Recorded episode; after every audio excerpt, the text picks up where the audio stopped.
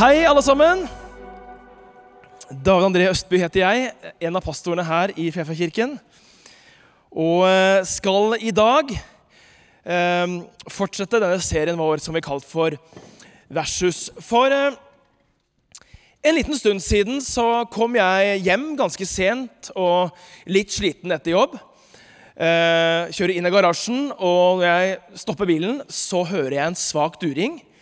Jeg går ut av bilen og rundt huset, og der ser jeg naboen et stykke unna oss eh, klipper plenen. Det er seint, og eh, jeg tenker at liksom, det er ikke en tid kanskje å klippe plenen på. Eh, Mellomstad hadde slitt litt med å sovne i det siste, så jeg var litt bekymra for at han kanskje lå inne og var våken. Så jeg blir litt sånn irritert og eh, stiller meg og kikker på naboen litt sånn for å få en mulighet for å kunne si noe idet naboen plutselig stanser gressklipperen, og det glipper ut av meg. Kanskje litt sent å klippe plenen nå, eller? Litt sånn passivt aggressivt. Det kom litt surere ut enn jeg hadde håpt. Vi hadde for, sånn, forsøkt, tenkt at jeg skal forsøke å si dette på en litt sånn hyggelig og mild måte. Jeg ser at naboen skvetter til og unnskylder seg og løper inn i huset. Og jeg tenker å nei. David, hvorfor må du absolutt si det du tenker? Kunne ikke naboen bare klippet plenen ferdig, og så, og så ferdig med det? Jeg går inn. Jeg eh, bruker lang tid på å sovne den kvelden og ligger og tenker på naboen. Og tenker har jeg blitt en sånn nabo som klager? Altså, sånn, En sånn nabo vil ikke jeg bli, en sånn nabo vil jeg ikke ha. Og så har vi tre gutter, og det hender det er litt lyd fra oss også. Så vi trenger en måte å ha litt goodwill i nabolaget.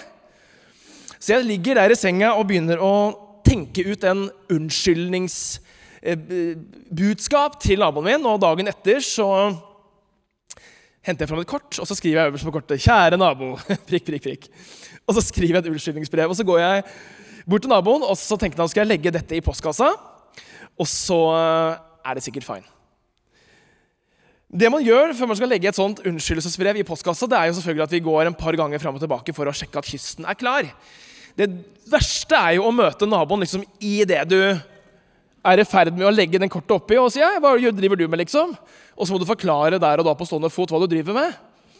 Så jeg går en par ganger litt sånn fram og tilbake forbi huset for å sjekke at naboen ikke er der.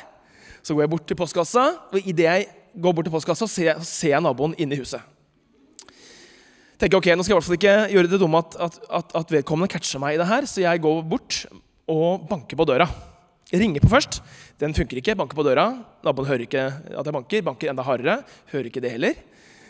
alt blir bare veldig kleint. Da står jeg der med dette kortet i hånda og putter det liksom i lomma. Og så ser jeg naboen i vinduet, så jeg vinker. Og så kommer naboen ut og sier hei, du, det er eh, David eh, André som bor eh, 'Å, så godt du kom', sier naboen. Eh, jeg har tenkt på det helt siden i går, at selvfølgelig det var kjempedumt å klippe plenen. Og så kommer en lang forklaring, og selvfølgelig en veldig forståelig forklaring på hvorfor naboen trengte å klippe plen akkurat da. Og så kunne jeg si at ja, du vet at jeg ønsker ikke være en, jeg er jo egentlig ikke en sånn person. Jeg er ganske hyggelig og ønsker å ha en god tone med naboene. Vi må ha et godt, godt naboforhold, vet du. Og det hender jo vi har barn som bråker litt. Og, og så endte jo det veldig godt. Og endte med at jeg også ble kjent med naboen, og veldig mye godt kom ut av det. Og i dag er temaet altså versus, og mer spesifikt polarisering versus forsoning.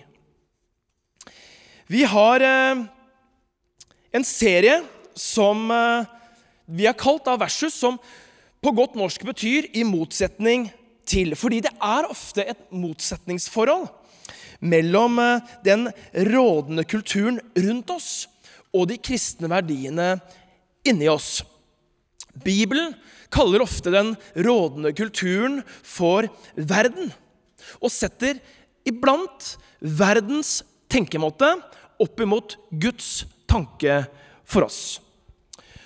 Og Vi skal ikke leve lenge i denne verden før vi forstår at også vi så lett preges av den. Det er en historie om to unge fisk som svømmer rundt en tidlig morgen, og på sin svømmetur så møter de en eldre fisk som kommer imot dem, og den eldre fisken sier, 'God morgen, gutter.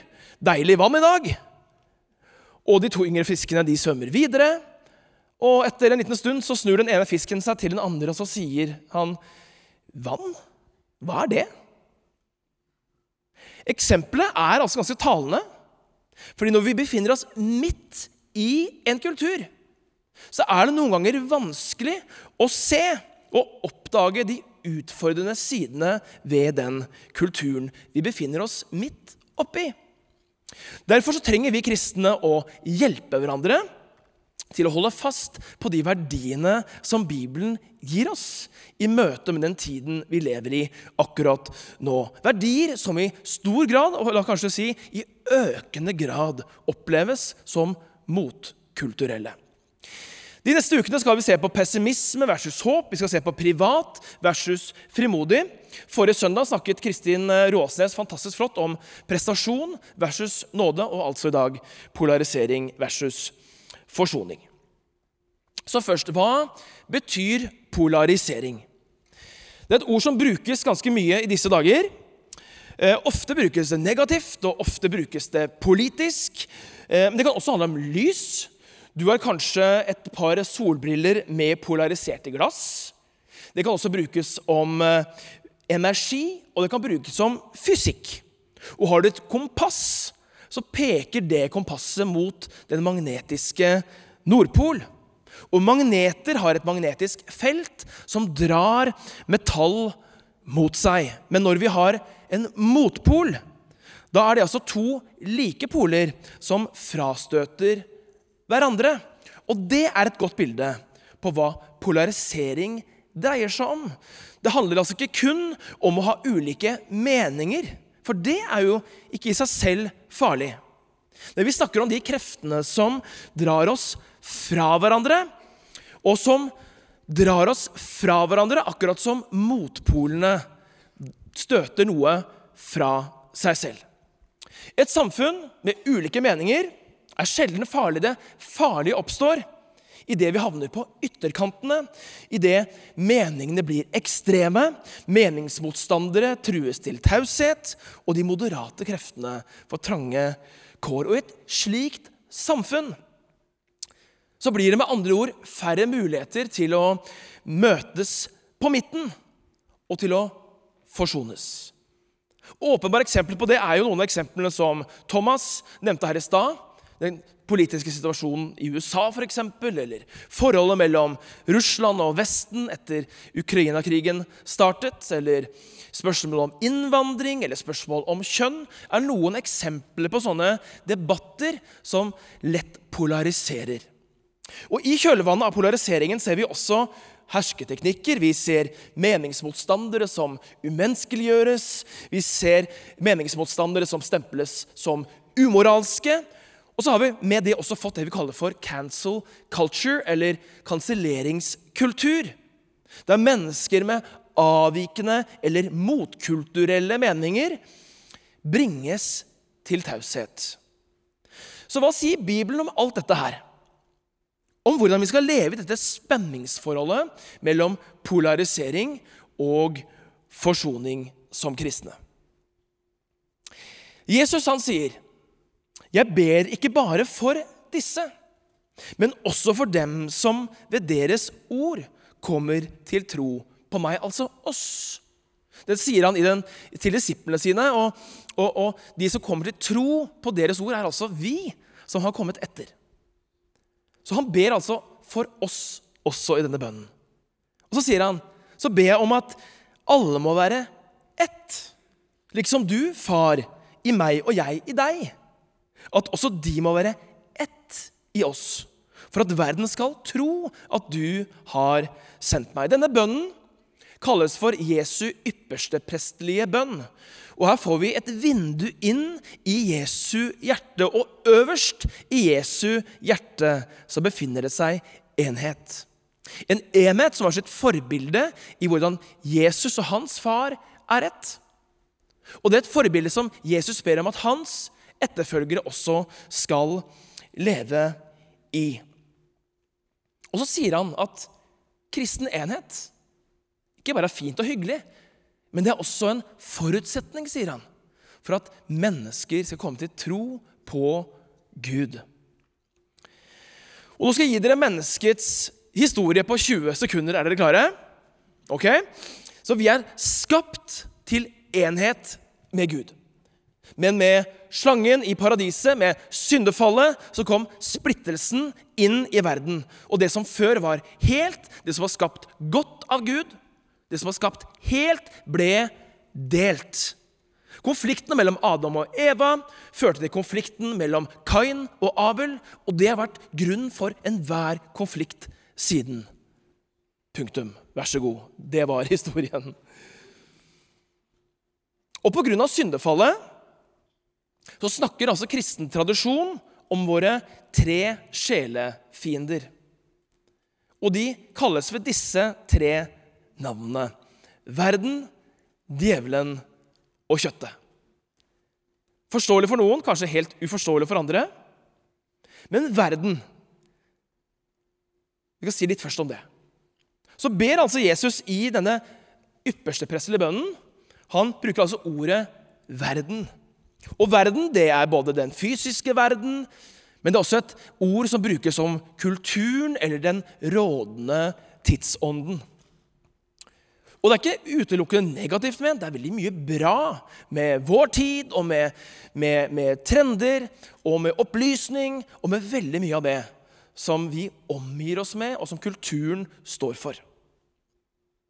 Men Jesus sier altså at ikke vi skal være mest opptatt av alt det negative som verden driver med, men at vi skal være mest opptatt av det vi selv driver med.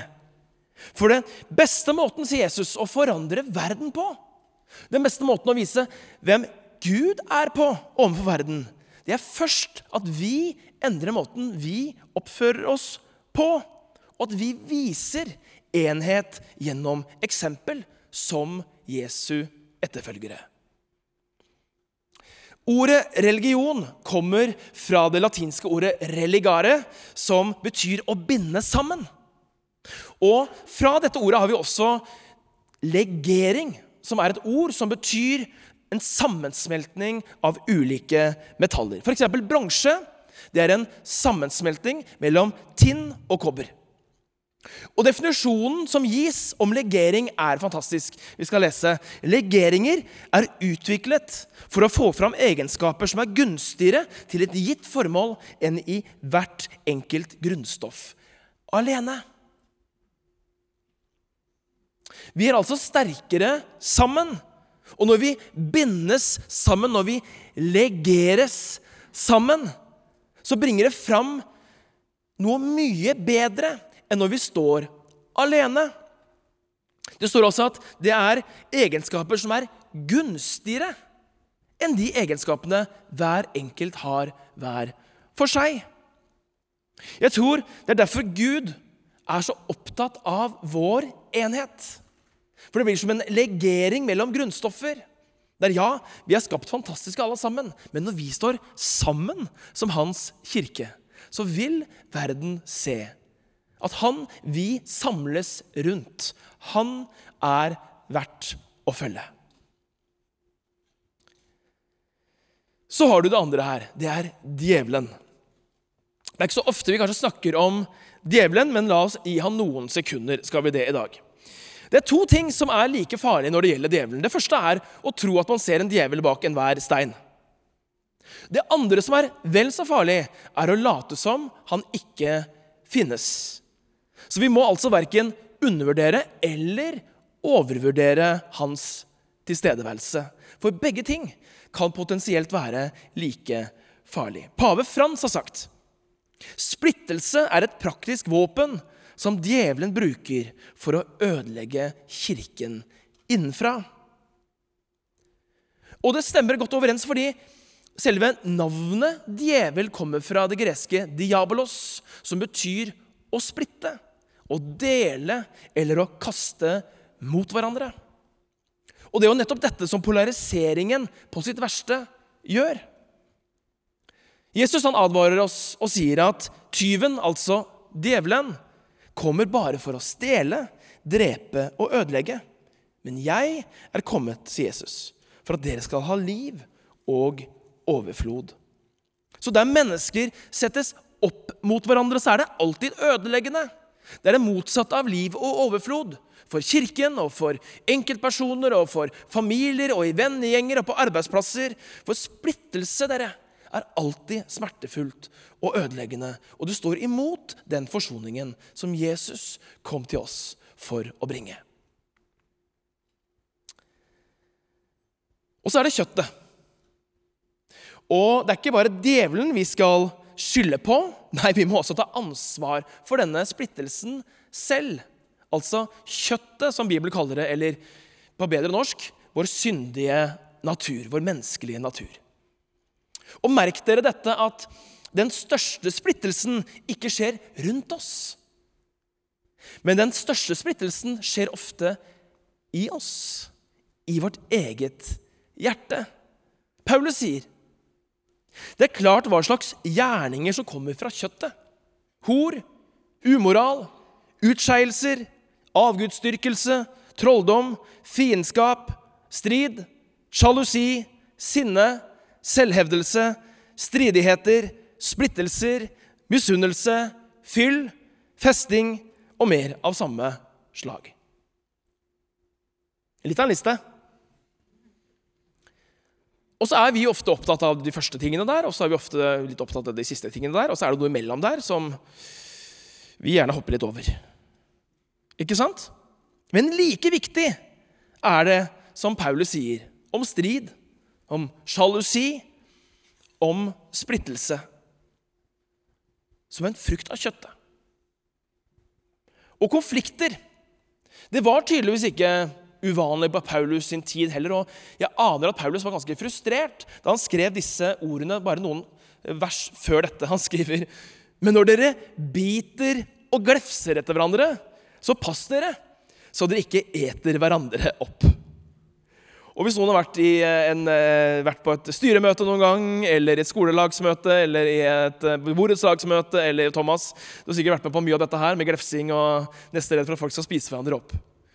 Det er Fascinerende at Paulus også tar med dette her. da. Liten sånn humoristisk innslag midt i noe som er ganske alvorlig. Hvor mange her inne har tatt en personlighetstest? Ganske mange av dere. Jeg tror jeg har tatt alle de personlighetstestene som finnes. Og jeg er fortsatt veldig usikker på hvem jeg er. Jeg passer liksom ikke inn i noen kategori. Men for et par-tre år siden så kom vi borti enegrammet. Og gjennom å høre podkaster og lese bøker og snakke med venner som har vært borte det, og diverse, så skjønte jeg etter hvert at jeg var en av disse Mest av en av disse her. I og for seg en kombinasjon av flere, men mest av en av disse her. Kan dere gjette hvilken dere tror jeg er? Ja, jeg vil ikke at dere skal gjette. Eh, jeg er mest av nummer ni, den som er på toppen der. Det står 'peaceful'. Det kalles også for 'the peacemaker'. Og det som kjennetegner peacemaker, er jo at um, det er en person som er mest opptatt av å opprettholde en slags indre fred og harmoni. Så vi liker ikke at folk er uvenner. Vi liker ikke å være i konflikt. Vi liker ikke når ting blir tøft. Og det kan gjøre oss noen ganger litt unnvikende. Det kan gjøre oss litt ubestemmelige. Det kan gjøre oss litt konfliktskye, sånn klassisk folk som subber ting under teppet. Det som jeg lærte når jeg gikk gjennom dette, her, var at det er noe som skiller en umoden nier fra en moden nier. En umoden nier holder fred, mens en moden nier skaper fred. Ser dere forskjellen?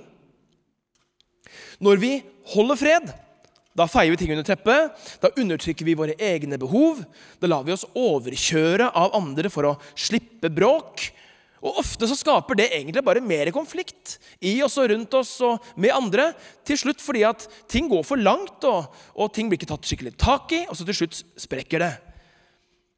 Problemet med denne typen er at man blir passiv.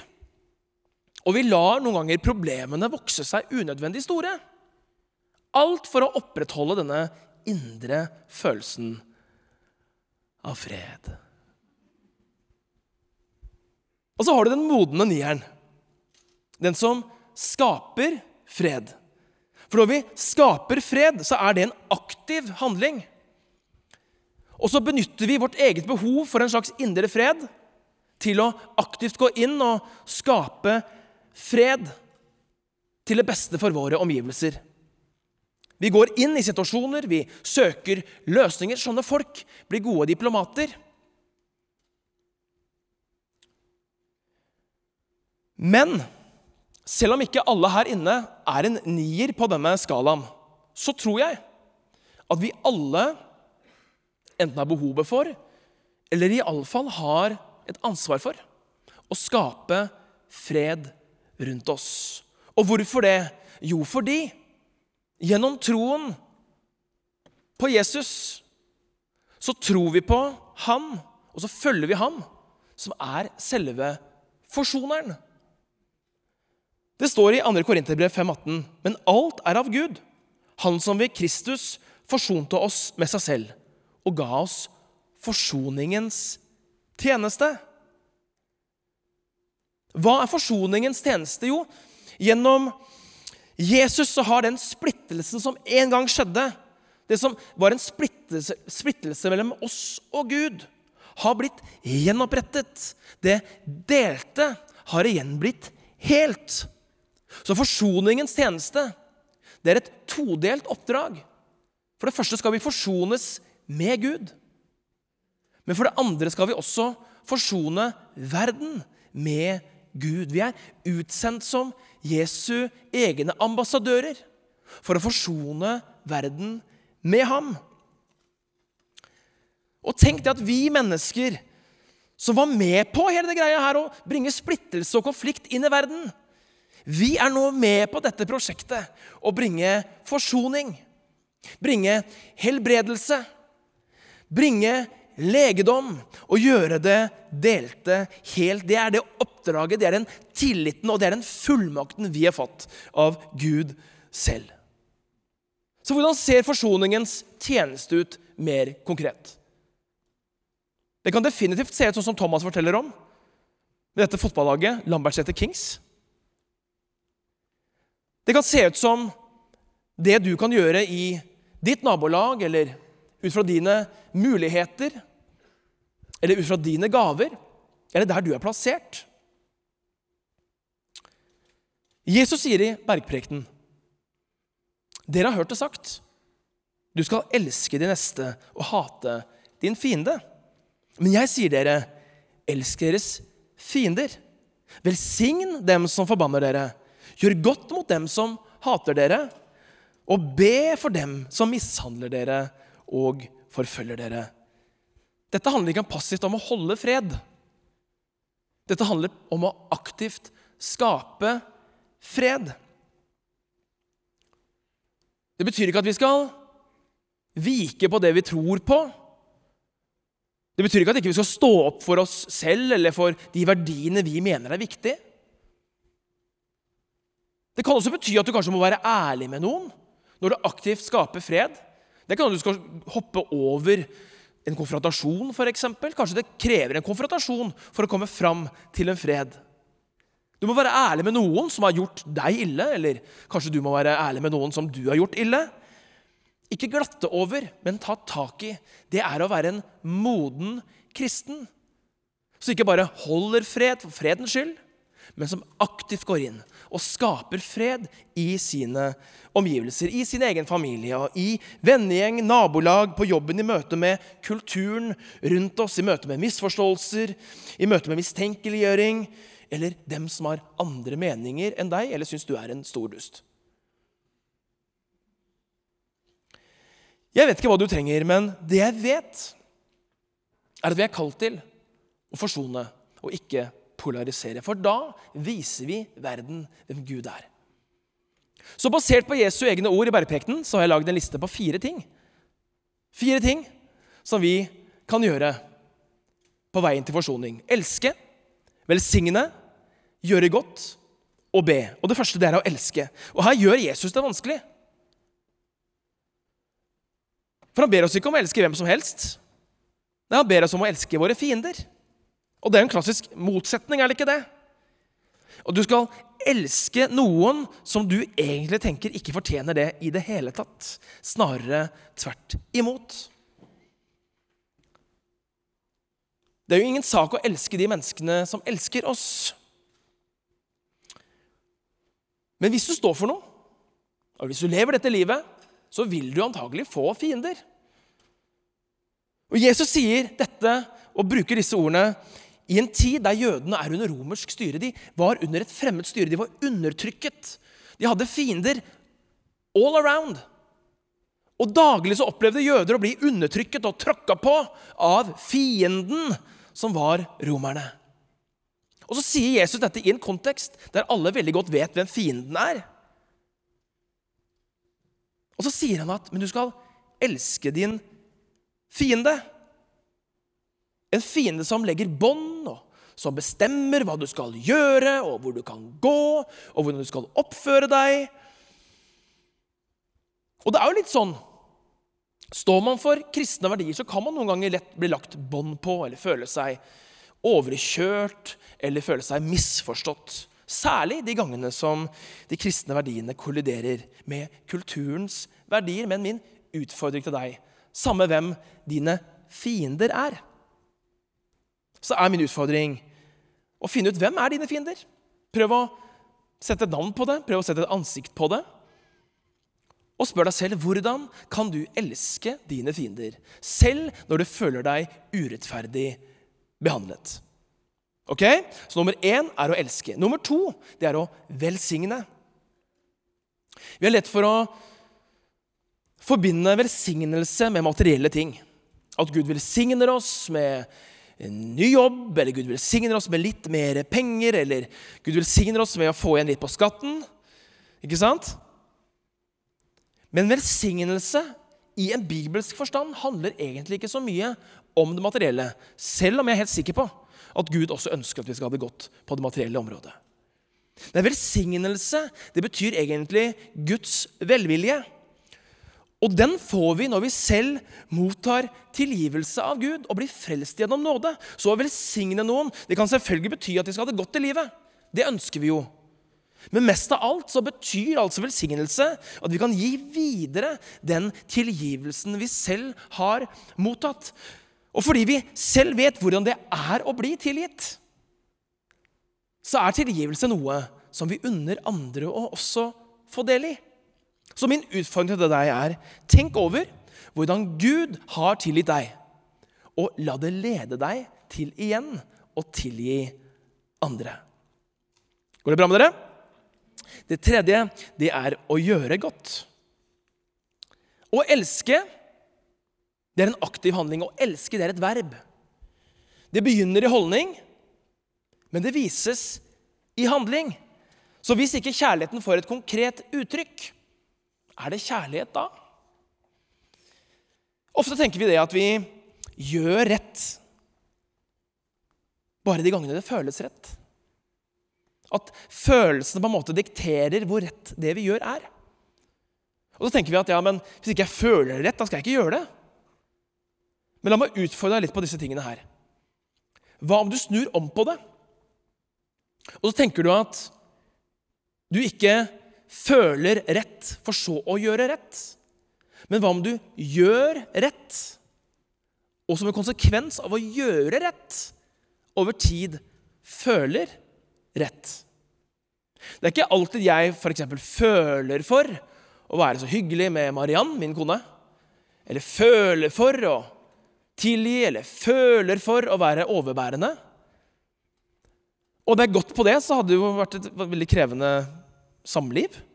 Hvis jeg alltid skulle følt det riktig før jeg gjorde det.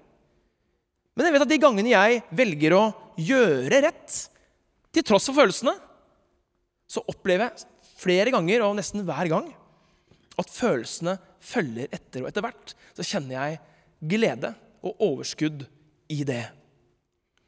Så min utfordring til deg det er hvordan kan du konkret gjøre noe godt mot noen, selv om det ikke synes de fortjener det? Og igjen sett et ansikt eller sett et navn på dette punktet. Og så er det det fjerde. Det er å be.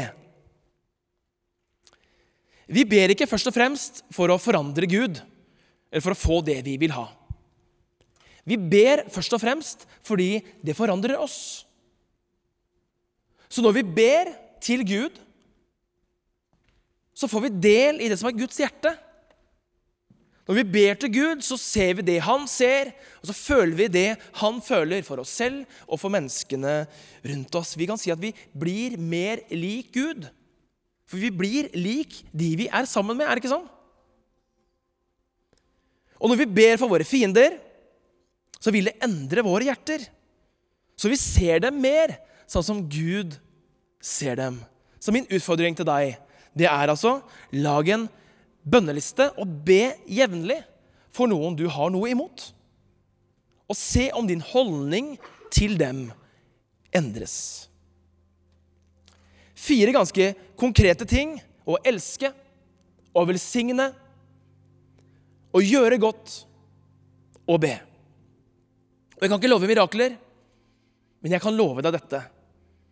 At om du følger disse fire punktene den neste måneden, neste halvåret, neste året, eller gjør det til en vane i livet ditt, så tror jeg du vil, eller jeg er sikker på at du vil, oppleve mindre polarisering og mer forsoning i og gjennom ditt liv og til dine omgivelser. Noen uker etter den situasjonen med gressklippinga, som dere husker, så dukker det opp et brev i postkassa mi. Det er et nabovarsel. Naboen med gressklipperen skal ha fest. Og de advarer om at det kan bli høylytt, og at det kan bli sent. Den natta da damene hadde fest, så la jeg meg sånn cirka til kristelig tid. Ti på ti.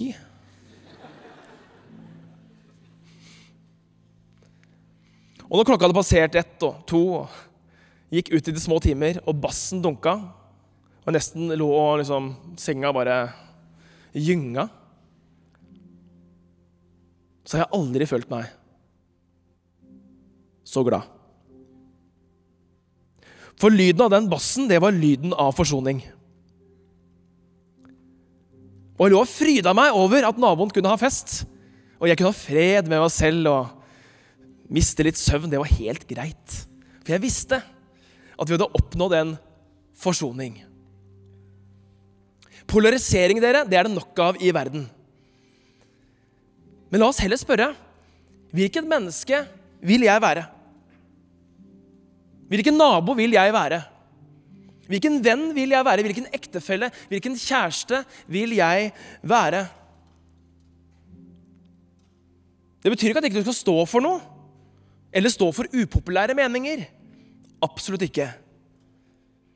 Men det handler om at vi fra våre ulike ståsteder søker sammen i forståelse og hører hverandre velvillig. Og Dermed motvirker vi denne kanselleringskulturen som så ofte omgir oss i samfunnet vårt. Disse destruktive kreftene som bringer mennesker og meninger til taushet. Og sier at bare noe er det eneste korrekte. Det er så mange krefter som drar oss fra hverandre, og drar verden og drar samfunnet vårt fra hverandre.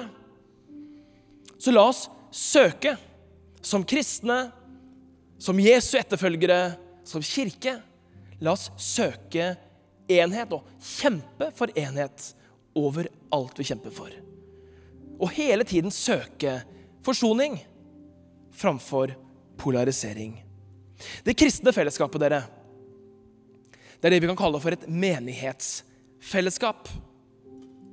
Og det er et menighetsfellesskap før det er et enighetsfellesskap. Menig, altså i menighet, betyr allmenn, for alle. I trosbekjennelsen står det 'en hellig, allmenn kirke'. Så en menighet er altså en legering, en sammenslutning av mange mennesker. Mange troende som alle kommer sammen, og alle har plass. Og gjennom Jesu forsonende verk på korset så kan vi søke enhet uten at vi nødvendigvis opplever enighet. Det er faktisk mulig, selv om det er vanskelig. Hvordan? Jo, fordi at Jesus han gjorde et forsonende verk for oss på korset. Og når vi søker enhet, så bare reflekterer vi Gud. For han er én. Han er ett. Jesus og Faderen er ett, sånn at vi kan se til Gud og se at sånn som Gud er ett, sånn har Gud kalt oss til å være ett. Hvorfor? Jo, fordi at når vi er ett, så vil verden se at Gud er virkelig, og så vil verden tro på ham. Amen. Du har nå hørt en podkast fra Filadelfia-kirken i Oslo. Vil du vite mer om oss, gå inn på filadelfia.no. Og ikke minst velkommen til å feire gudstjenester med oss hver eneste søndag, enten fysisk eller online.